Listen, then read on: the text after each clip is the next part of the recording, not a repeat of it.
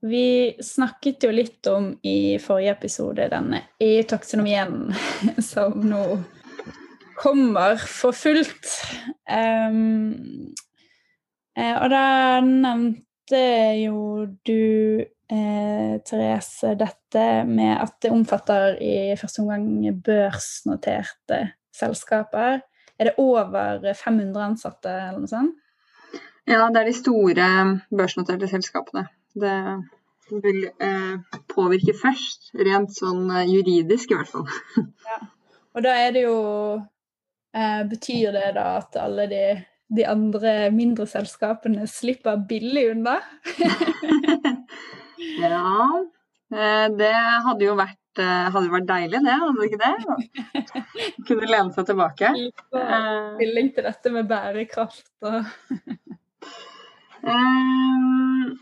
jo, altså De vil jo ikke få noen eh, rapporteringskrav knytta til Altså pålagt i første omgang.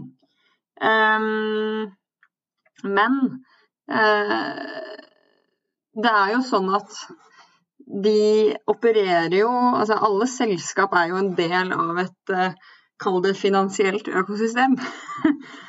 eh, med med lån, små eller store lån, eller um, ja, altså Det er jo bare den finansielle delen av det. Du kan jo være familieeid, eller du kan uh, ikke være på børs. Men, men, um, men, det er jo klart at endelig kommer det en, et, altså et rammeverk, et objektivt rammeverk, som klassifiserer om noe er bærekraftig eller ikke.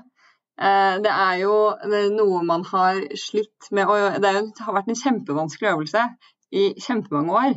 Eh, og så kommer det et objektivt kriteriesett, og da er det sånn Hvorfor ikke bruke det eh, til å klassifisere om det du driver med faktisk er bærekraftig eller ikke, da. Så, så det er jo helt Du kan rapportere på det hvis du er opptatt av bærekraft og ønsker å knytte deg opp mot noe som eh, mest sannsynlig blir noen bransjestandarder knytta til, til eh, bærekrafts... Eh, eh, Kall det problematikken eller mulighetene, da. Eh, så det er jo en kjempegod mulighet til å faktisk jobbe mer systematisk med bærekraft. Da. Sette seg noen tydelige mål. Nå vet man hva, eh, hva bransjen mener er Eh, det som faktisk er bærekraftig. Jeg ser på det som en kjempemulighet jeg, til, eh, til, alle selskapene, om de er børsnotert eller ikke. Eh, altså det, er, det, er, et mulighetsrom av eh, bærekraftige altså forretningsmuligheter. Det er et definert område med, med ting man kan gå, gå, inn i som er klassifisert som bærekraftig. Eh, så, så jeg tenker absolutt at her er det mye å hente for også selskaper som ikke er børsnotert. Mm.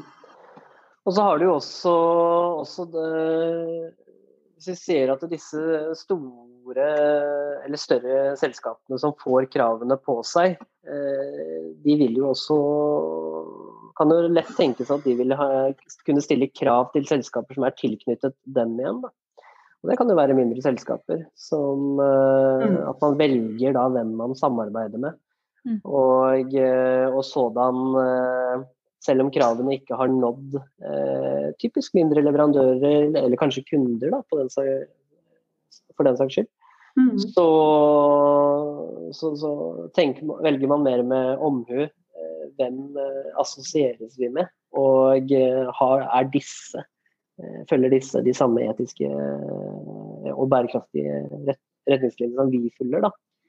At man, eh, og på den noten også, så kan man jo si at eh, hvis det lønner seg for oss som et stort selskap å følge, følge kravene som stilles mot oss, så skal det f.eks. også lønne seg for de kundene våre som, som, å, som følger Eh, kravene. Og i sådan i form av bedre betingelser, eh, og at man, at man påvirker hverandre da, den veien der. Mm. Og så har jo det en litt annen dimensjon. Eller jeg vet ikke om det er en annen dimensjon, men jeg bare ser også dette her med, med grønnvasking er jo så, et begrep som også kommer mer og mer frem. Det der med Du skal ikke liksom slippe billig unna med Er dere kjent med absolutt. Hva det, hva det uh, innebefatter, og liksom sette opp mot EU-taksonomien, så vel, kommer vel det et, en eller annen form for rammeverk eller noe sånt ut av uh, en sånn type bevegelse også. Mm. Mm. Ja, så EU-taksonomien er jo ment for å, for å fjerne grønnvasking, da. Ja, ikke sant. eh, og så vet jeg ikke om det noensinne kan, kan fjerne all all grønnvasking. Fordi altså sånn, skal man slutte å snakke om at noe er bærekraftig, selv om det kanskje ikke har akkurat noe krav knytta til seg i taksonomien nå, eller ikke. Det er en sånn, litt sånn overgangsprosess som gjør, gjør den øvelsen litt, litt vrien. Da. Men sånn um, så, så, hvordan det vil påvirke kommunikasjon ut ut til kunder og sånt, det blir jo litt interessant å se. da. Så, mm. så grønnvasking som konsept Kanskje ikke helt ferdig med det enda. Eh, forhåpentligvis, da. Eh, men, men eh, i finansmarkedene, der vil vi jo se eh, den effekten mye raskere, da. Mm. Jeg, jeg, jeg syns det, det, er helt riktig. Og så tenker jeg også at uh, uh, Vi ser jo allerede i dag uh, hvor lett det blir overskrifter av selskaper som har liksom grønnvasket tjenestene eller produktene sine. Og at med dette rammeverket i hånd, så, så blir det liksom mye tydeligere, da, forhåpentligvis, at hvem som på en måte jukser. Da. Og, mm. og det, det, det, tror jeg kan være, være noe som får, får, seg selv til å tenke to ganger om før man mm. sier skal vi kalle det dette virkelig. Men jeg vil bare si én ting. for jeg, jeg, Det er ikke alltid nødvendigvis man har grønnvasket seg med mening, kanskje. Fordi man har ikke sånn eh, Hvis man gjør noe som er relativt sett bedre enn det du gjorde før, du slipper ut mindre, du har gjort interne grep, eh, så er det jo klart at eh, altså frem til taksonomien har kommet nå, da, så altså, man har kunnet sammenligne seg med andre så er man mer eller mindre bærekraftig enn andre lignende aktører. Kanskje ja. Eh, og så kommer disse kriteriene nå som kanskje sier at du ikke er bærekraftig i det hele tatt. Da. Og da har man jo på en måte bare eh, ikke hatt Man har ikke hatt forutsetningene nødvendigvis.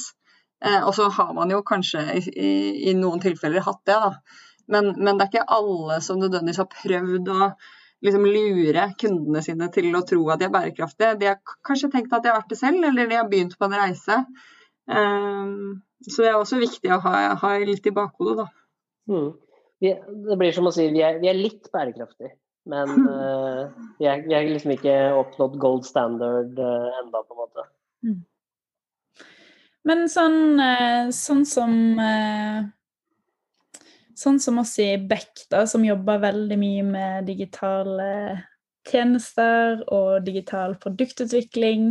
Um, hvordan treffer alt dette egentlig, hele temaet, oss, både bærekraft og EU-taksonomi og, og, grønnvasking og.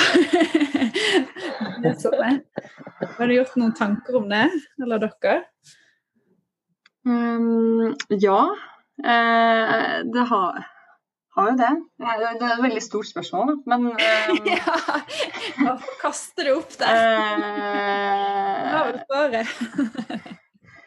vi eh, Altså sånn um, vi, vi, er jo et selskap i, i, Oslo som ikke reiser Vi har mest Oslo-baserte kunder, og vi Eh, vi har å, altså, vi har jo gjort en jobb på liksom, sånn, okay, hvilke interne grep kan man gjøre.